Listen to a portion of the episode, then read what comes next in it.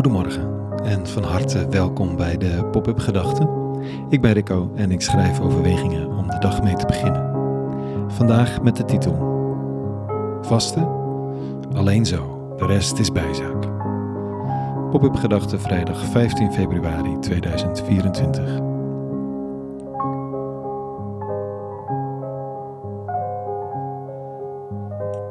Misschien heb je het meegekregen, misschien helemaal niet. De vastentijd is begonnen. Het is dat ik het gevraagd was om op de radio er iets over te vertellen, anders had ik het zomaar gemist. Maar dat komt ook omdat op reis alles een beetje anders is. Zo anders dat ik me door tijdsverschil en enige vermoeidheid me radicaal versliep voor het radio-interview. Excuus nog, EO. Maar ik weet eigenlijk niet of ik de goede dingen gezegd zou hebben. Ik zou waarschijnlijk iets genoemd hebben over de toenemende hang naar rituelen, over de verschillende vormen van vasten die er bestaan, en hoogstwaarschijnlijk iets over dat zinnetje stof zijt gij en tot stof zult gij wederkeren. Wat genoemd wordt bij dat askruisje, weet je wel. En dan zou ik erbij gezegd hebben dat dit geen vrijbrief is om anderen tot stof te reduceren.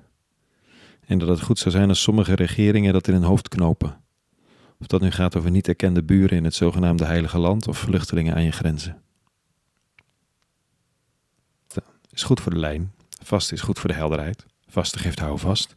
Vast is toewijding. Alleen, uh, allemaal waar, maar volgens de tekst van de dag best wel irrelevant. Context is king, ik weet het. Het was een tijd waarin allerlei godsdienstige mensen met vrome spreuken in de mond de kat in het donker en in het volle licht knepen. Of misschien beter gezegd de nek omdraaiden. En die context is dan weer niet heel ver af van contexten die we kennen. Het is een relevant stukje tekst. En ik vrees dat ik het woensdagochtend, afgelopen woensdagochtend, heel erg vroeg op de radio zomaar vergeten was te zeggen. Dus ik zeg het maar hier. Er is maar één manier van vasten eigenlijk. Tenminste, volgens een van de grootste profeten in het Eerste Testament, de Tenach, hoe je het ook noemt. Dit staat er. Is dit niet het vasten dat ik verkies? Namens God zegt hij dit dan, hè? Als profeet kan hij dat. Misdadige ketenen losmaken. De banden van het juk ontbinden de verdrukte bevrijden en ieder juk breken? Is het niet je brood delen met de hongerigen, onderdak bieden aan armen zonder huis, iemand kleden die naakt is, je bekommeren om je medemensen, dan breekt je licht door als de dageraad, je zult spoedig herstellen. Dus, zo'n juk hè, die dan gebroken moet worden en ontbonden moet worden, dat gebruiken we niet echt meer, maar het is een ding dat je op een dier legt dat dan verplicht is zijn kop te buigen en jou te gehoorzamen en je werk te doen. Ofwel al die gevangenschap, in welke vorm dan ook, die breken. En nog iets interessants dat vaste is: je brood delen. Maar hoe kun je delen als je niet eet? Dat is dan toch weggeven? Nee, zegt de profeet, vaste is delen. Onderdak bieden, kleding waar nodig, je bekommeren. Dan breekt je licht door als de dageraad. Dus of je van afvalt, dat weet ik niet. Of het een goed gevoel van rust geeft, weet ik ook niet. Want meestal gaan de dingen er licht chaotisch aan toe en nooit op de manier die je helemaal had bedacht. En toch, dit is de weg. Vasten heeft dus volgens deze profeet niets te maken met je onthouden van eten of religieuze gebruiken. Wil je vasten?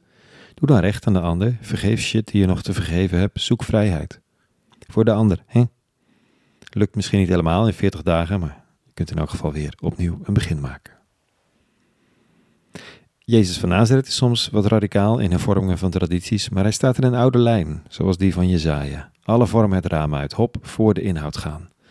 En mocht je daarnaast niet willen eten, hé, hey, doe dat dan vooral. Dat is niet per se de beste manier om je spirituele of religieuze leven vorm te geven. Dat leven heeft te maken met recht, liefde, delen en dat mooie woord, bekommeren. Wat dat betreft zat ik hier wel goed in Athene. Het is de laatste dag, tijd om weer naar huis te gaan. We hebben niet gevast, zeker niet, zou ik zelfs zeggen, maar wel alles uit de kast gehaald om te werken aan vrijheid, zorg, liefde en hoop. Ik wens je dat soort gezelschap toe, soms of vaak. Ze zijn er, dat is zeker. Het zijn je vaste maatjes, zo gezegd. Tot zover, even vandaag. Een hele goede vrijdag gewenst en een heel goed weekend. Maandag, als het goed is, weer een nieuwe pop-up gedachte vanuit Nederland. Voor nu vrede gewenst. En alle goeds.